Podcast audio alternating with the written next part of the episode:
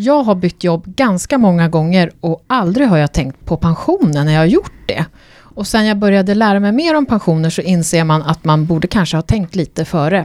Vad händer egentligen med tjänstepensionen om man byter jobb? Vågar man byta jobb? Det är klart du ska våga byta jobb. Ja, fast man ska faktiskt ha koll på vad som händer med pensionen tycker jag. Man ska ta reda på vad som gäller för den där delen som är som tjänstepension, för den allmänna pensionen påverkas inte.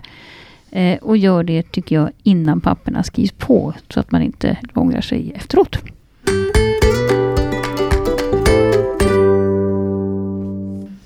Du lyssnar på Min Pensionspodden där vi idag ska prata vad man ska tänka på kring pensionen när man byter jobb. Och vår gäst idag är Åsa Harvik Götberg från fackförbundet Jusek. Välkommen till oss Åsa. Vem är du och vad jobbar du med? Ja, jag har jobbat på Jusek sedan 2004 och nu sen i höstas jobbar jag som pensionsexpert på Jusek mot privat sektor. Och det är så himla kul att jobba med pensioner tycker jag. Så det känns jätteroligt att komma hit och få prata om det här, om tjänstepension. Ett annat som jag tycker är jättekul, det är att träna. Vad tränar du då? Friskis och svettis, mm. hemma där jag bor. Och då tränar jag skivstång och yogar. Mm. Går du mm. på pass, skivstångspass? Ja. Oh. Mm. Oh, du kommer att leva länge, då behöver du ja. tjänstepension. Ja, du behöver mm. tjänstepension. Mm. Mycket tjänstepension. Men det har jag ju. Ja, du har ju kollektivet. Innan vi börjar mm. prata om jobb och pension så är jag nyfiken på fackförbundet Jusek. Vad är det för fackförbund och vilka är medlemmar hos er? Mm. Vi är ett fackförbund för våra medlemmar som har pluggat på universitetet och högskola och de har läst juridik, ekonomi, systemvetenskap, beteendevetenskap och har 180 högskolepoäng som det heter nu för tiden. Och de kan jobba, ja, de jobbar ju som jurister, ekonomer, personalvetare, kommunikatörer och systemvetare och samhällsvetare och de har alla möjliga jobb. Och vi finns ju inom alla sektorer av arbetsmarknaden. Privat sektor, offentlig, kommunal och statlig och landstingskommunal. Så ni är en del av SACO egentligen kan man säga? Jajamän, och vi är faktiskt 88 400 medlemmar ungefär. Eh, majoriteten förstås, 66 000 är yrkesverksamma. Och sen har vi några pensionärer som är medlemmar och resten är studerande medlemmar. Så varför ska man då tänka på sin pension när man byter jobb egentligen? Ja, det är ju så att det här med pension är ju en väldigt viktig del av sin framtida försörjning. En dag när man slutar arbeta och går i pension. Och den allmänna pensionen ser vi ju att den kommer inte att räcka för den allra flesta av våra medlemmar och alla andra människor i Sverige till att göra det man vill och behöver. Därför behöver man ju tänka på sin pension och på sin tjänstepension. Och sen är det ju så också att vi lever ju allt längre. Den, de pengarna man får i pension, i den allmänna pensionen, den ska ju räcka under fler år. Ja, och sen är det väl också så att inom Jusek så är det ju ändå ganska många som också dessutom har höga löner och då finns det ju ett tak i den allmänna pensionen som gör att har man löner på över 40 000 får man faktiskt ingen allmän pension och då blir ju tjänstepensionen faktiskt än viktigare. Och nu är det också så att man, alltså den stora skillnaden mellan allmän pension och tjänstepension är ju faktiskt den allmänna pensionen har man allt 50 så fort man deklarerar. Spelar ingen roll om man byter jobb. Tjänstepensionen har man men den är knuten till jobbet och alla jobb har inte tjänstepension. Precis, så därför så ska man tänka på det när man byter jobb. Om man är nyexad och inte haft någon tidigare arbetsgivare, är det viktigt att tänka på det sådär när man får sitt allra första jobb också? Ja, absolut. Det är alltid viktigt. Och extra viktigt när man börjar på sitt första jobb. Så att man kommer in i pensionstänket och sen också får en, ett pensionskapital. Ja, och många tror jag faktiskt underskattar tjänstepensionens betydelse. Kanske också vad vi hör från många unga är att man tror att det är det privata sparandet som är det viktiga. Men om man nu skulle du ta ett exempel, alltså varje tusenlapp du sparar privat då, alltså en, en normalinkomsttagare som har 25-30 000 har ju minst en tusenlapp från jobbet i tjänstepension. Har du högre löner så kanske det är 4-5 000 kronor från jobbet varje månad. Det är svårt att spara på egen hand. Men vad händer med mina pensionspengar som jag tjänat in om jag jobbat på ett annat ställe och så byter jag arbetsgivare? Vad, vad händer då? Ja, de finns ju fortfarande kvar där de hela tiden har varit. Det kallas att de finns i ett fribrev. Så de ligger ju kvar där och förvaltas och förräntas. Ibland kanske man kan flytta med dem till den nya planen eller man kanske är kvar i samma tjänstepensionsplan fast via en annan arbetsgivare. Men det är ju väldigt många människor som har olika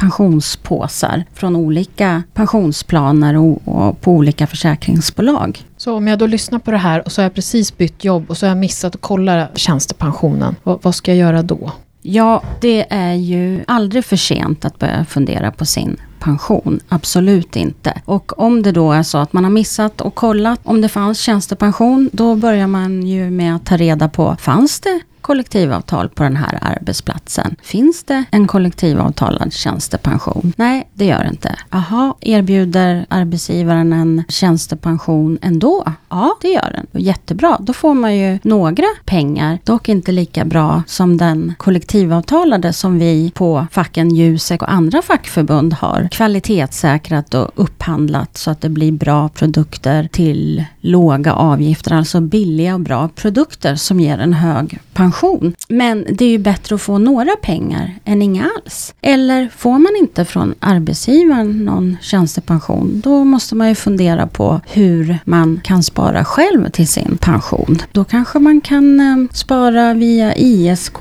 eller eh, betala av på sitt huslån om man har något. Eller man kanske kan fråga om eh, man kan löneväxla, om den möjligheten är bra för mig. Men då behöver man ju tjäna eh, över 40 000 för att det ska vara en bra idé så det behöver man fundera på. Det är bra att läsa på innan. Men det är ju aldrig för sent att ta tag i det här med sin pension. Och jag tycker den viktigaste saken när det gäller pension, det är ju att man vågar fråga.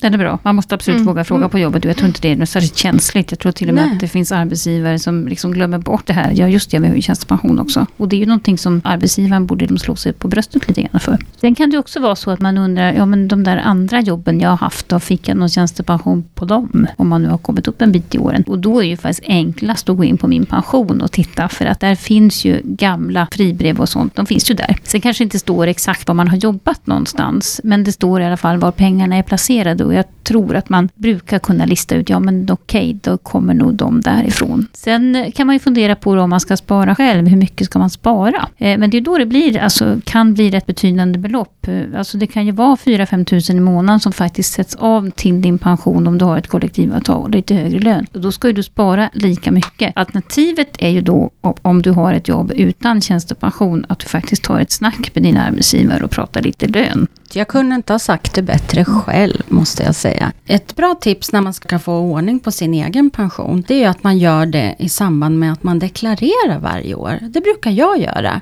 Hur gör du då? då? Sätter du, tar fram alla papper och ja, går igenom? Jag, och jag använder mig förstås av min pension och tittar där. Mm. Och sen så funderar jag över, hur är det nu med mina efterlevande skydd? Hur ser de ut? Hur, behöver jag det? Ja eller nej? Vill jag ha det? Ja eller nej? Ska jag ändra någonting? Hur har mitt kapital utvecklats som jag har?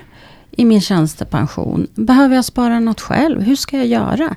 Att man ser det som en, eh, en sammanhållen ekonomisk fråga. Det är ju liksom pensions eh, och livsekonomi är det ju. Mm, och då när man ändå håller på att deklarera, då kan man lika bra göra det. Och nu för tiden går det ju så väldigt fort att deklarera för de allra flesta människor. Det är ju bara att köra med BankID och sen är det klart. Så då får man lite tid över, då kan man ja. lägga den på pension. Ja, Precis. Bra, bra. Och vad jag tycker man ska titta på då, det är om man inte kan det av sig själv. Om man vill liksom veta hur funkar just min pension. Eller min, just min tjänstepension. Titta då på om det står att, det är, att du har en ITP eller att du har en, en CAP KL eller en... Alltså, se vad din tjänstepension har för bokstavsbeteckning. För då är det så oerhört mycket enklare att googla på vilka regler gäller här. Precis. Och sen då till exempel Jusek och andra fackförbund och har ju till exempel olika pensionsinformationsträffar. Mm. Både för privat sektor och även för offentlig sektor. Och då är man ju jättevälkommen att komma och lyssna och lära sig mer om sin pension. Och det behöver man inte göra när man har fyllt 55. Det ska man helst göra tidigare. Ja. Mm. Sen har ju faktiskt även Pensionsmyndigheten jättebra pensionsinformationer för olika grupper också. Jag tänkte på det här med bokstavskombinationer, Kristina pratade du lite grann om. Visst måste man ha lite koll på det här, speciellt om man börjar bli lite äldre, om man ska byta jobb tänker jag. Ja, en sak man ska tänka på om man är lite äldre, eller mitt i livet någonstans och verkligen funderar på att byta jobb. Så skulle jag säga ett ord förutom den där bokstavskombinationen då. Och det är ju, har jag en förmånsbestämd pension? För om man någonting av en förmånsbestämd pension, då innebär det att egentligen min pension bestäms av de sista åren jag jobbar och vilken lön jag har då. Och börjar man då att byta från en förmånsbestämd pension till en annan sorts pension som heter premiebestämd pension, då kan man råka ganska illa ut. Eh, så känner man det, okej, okay, jag håller på att byta från en förmånsbestämd pension till någon annan typ av pension, eller kanske ska bli egen företagare eller någonting, då skulle jag faktiskt rekommendera att man tar ett snack med kanske både sin arbetsgivare, sin kommande arbetsgivare eller de, alltså facket också för all del. För att reda ut vad betyder det här för mig? hur kan min för då kan pensionen påverkas ganska mycket. Så det är alltså bättre att byta jobb när man är ungdom med andra ord? Nej, man ska självklart byta jobb. Och det är också så att, jag menar, ofta så är det så att ett skäl till att man byter jobb är för att man har högre lön. Och högre lön ger, ger ju oftast högre pension. Eh, men det, det finns en skarv här, om man säger så vi lever lite grann i två världar just nu och då, man har bytt olika sätt att räkna fram pensionen. Och då är man mitt i livet kan man då hamna mellan två olika system och då kan det slå, slå lite konstigt. Är man ung, då är det, då är det liksom raka rör hela tiden. Då är det ofta så att man, man får inbetal, en inbetalning varje månad för att man så att säga, jobbar. Så betalar arbetsgivaren en summa pengar till en framtida pension. Som dessutom placeras någonstans. Och då spelar det ingen roll om du byter arbetsgivare. Då vill det bara till att den arbetsgivaren också betalar in till tjänstepension. Eh, men vad menar du med ung? Det är ju alltid intressant. Det är en bra fråga, Christina. helt rätt. Ja, just det. Mm. Eh, man kan säga så här, det är lite olika åldrar i, i olika avtal. Vilket, bara för att krångla till det, så är det naturligtvis så. Eh, är man ITP, alltså privatanställd tjänsteman, då brukar gränsen gå någonstans vid att man är född 1979. Eh, då kan man ha koll på det. Är man född 79 eller tidigare eller, 70, eller 79 och senare, då vet man det. Okej, okay, det är olika regler. I de andra avtalen så är det oftast så att det är någonstans i mitten på 80-talet som de här olika gränserna går. Utom för privata anställda arbetare, för de behöver nästan inte alls fundera på det här. Där är det redan klart sedan länge. Men, men eh, mitt tips är att, att eh, förmånsbestämd pension, det är nog det ordet man ska bära med sig. Har du någon typ av förmånsbestämd pension och du tänker byta jobb, så tänk igenom ordentligt hur din pension påverkas. Prata med folk om det. Vad ska jag tänka på om jag blir egenföretagare då? Då är jag ju min egen arbetsgivare helt plötsligt.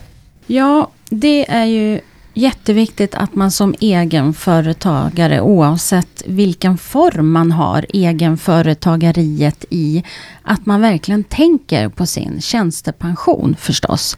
Eh, första regeln är ju då att allt man betalar skatt på, det genererar ju till socialförsäkringssystemet som jag brukar säga. Det vill säga att då betalas det in till den allmänna pensionen, du kan vabba, du får föräldrapenning, sjukpenning, a-kassa om du behöver, ja enligt vissa regler då. Det är ju bra att ta ut lön, är ju någonting som man behöver fundera på. Sen finns det ju väldigt många olika sätt att vara egenföretagare på. Men till exempel om man har ett aktiebolag så kan man ju höra av sig till Jusek till exempel och teckna ett hängavtal. Och då får man tillgång till ITP-avtalet som är det största kollektivavtalade tjänstepensionsplanen på privat sektor. Och då får man jättebra produkter för sig själv och för sina anställda till en väldigt låg kostnad. Så det är ett väldigt bra tips. Men om man är egenföretagare i någon annan form då skulle jag säga att man måste fundera utifrån sina förutsättningar exakt hur man vill lösa den frågan. Ska man spara på något vis eller ska man köpa någon eh, tjänstepensionsförsäkring av ett försäkringsbolag eller vad ska man göra? Hur vill man ha det med skatt och uttag och lön? Det är en väldigt komplex fråga, så jag skulle nog eh, stanna där, att man måste utreda den mer, skulle jag säga. Jag vet inte vad, om ja. ni har något mer att tillägga? Nej, men jag tror att det viktigaste är att man förstår att nu har jag liksom lämnat den här trygga världen som anställd, där jag oftast har ett kollektivavtal och att min arbetsgivare sätter in pengar åt mig. Nu är mm. det liksom, den biten finns inte när du har ett eget företag. Och då måste du ta hand om den biten själv. Jaha, så får jag jobb utomlands då? För nu är det ju mycket att man jobbar utomlands några år och man kommer tillbaka och man hoppar fram och tillbaka. Vad händer med tjänstepensionen då? Om man har riktig tur kanske man jobbar utomlands via en arbetsgivare, en svensk arbetsgivare som har då eh, ITP-avtalet Eh, när man sänder ut eh, arbetstagare att jobba utomlands, alltså att man får ITP fast man jobbar utomlands.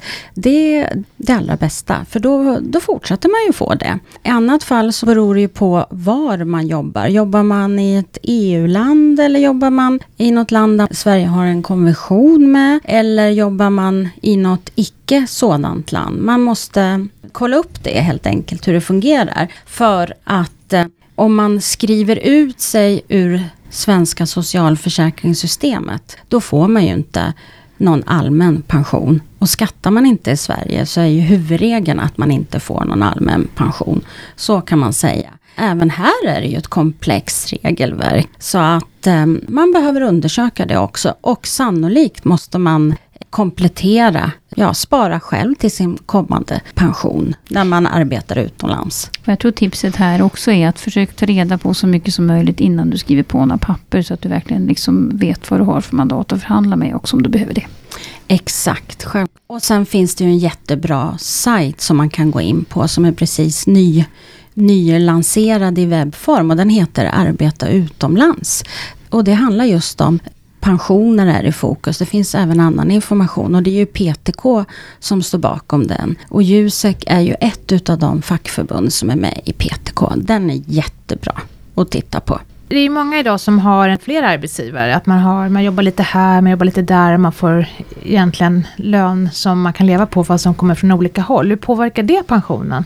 Och det där är en bra fråga. Och det man ska tänka på då, Framförallt om du då tjänar lite mera pengar, alltså mer än att du har en av de här 7,5 inkomstbasbeloppen, eller 42 000 kronor i månaden kan man säga.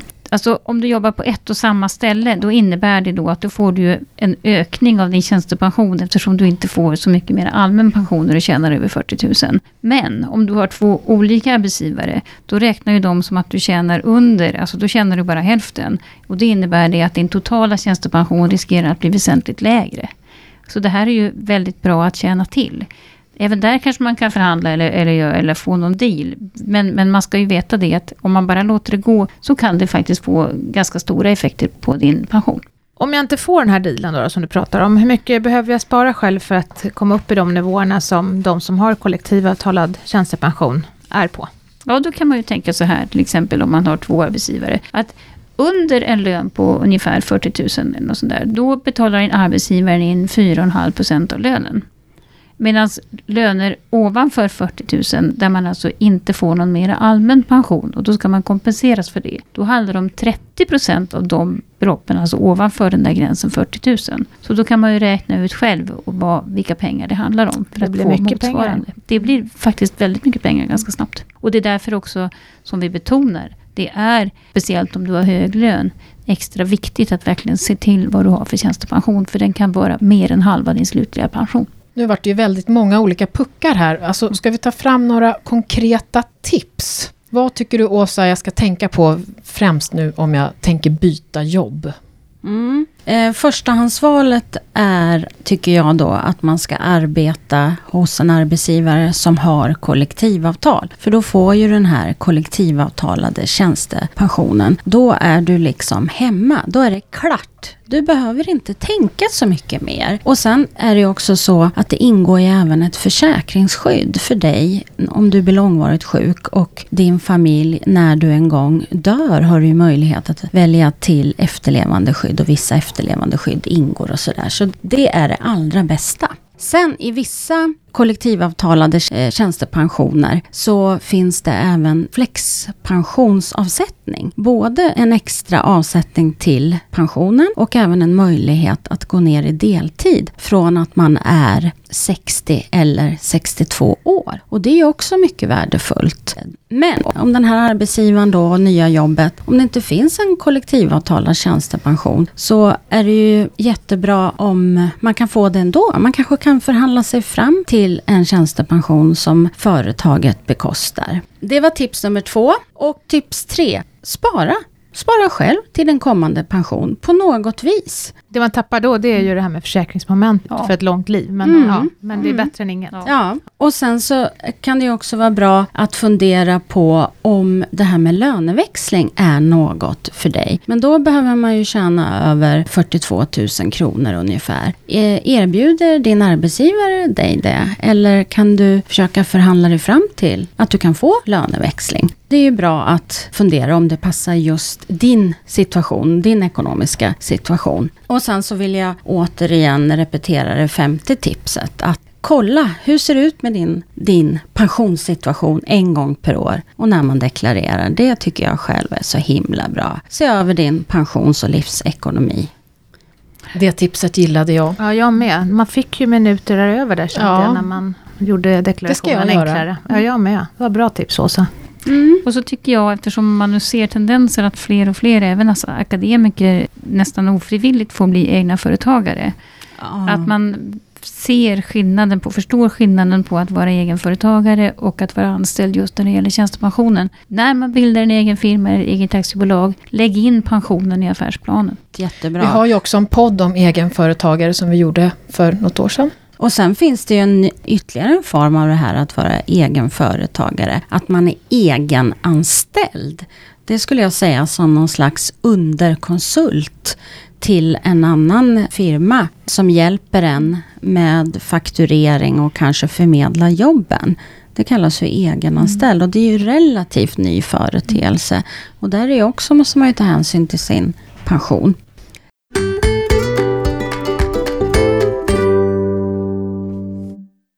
Vi får många frågor om skatt och pension. Vad gäller i år för de som är födda 1952 och alltså fyller 66 år? Mm, det är den nya golden age, visst är det kul? Yes. Eh, ja, det händer något magiskt när man fyller 66 år i skattehänseende. Eh, åtminstone när det gäller skatt på lön och skatt på pension, för att då sänks båda de skatterna. Innan, när man jobbar när man är fram till det år man fyller 66, då har man ju ett jobbskatteavdrag för att man, man jobbar och sliter och så. Och eh, sen när man är pensionär, då får man inte det här jobbskatteavdraget. Man, man har ändå lägre pension än om man är pensionär och har tagit ut pensionen tidigare. Så det blir lägre pension och även om man fortsätter att jobba så får man också sänkt skatt bara för att man har fyllt 66 år. Så att sammantaget skattebonus när du fyller 66. Den här podden görs av Min Pension som är ett oberoende samarbete mellan staten och pensionsbolagen. På minpension.se kan du se hela din pension och göra prognoser. I dagens program har du hört vår gäst Åsa Harvik, Götberg från Jusek, Kristina Kamp, Maria Eklund och jag själv Ulrika Lund. Vi finns på Twitter, Facebook och Instagram. Prata gärna med oss där. Hej då!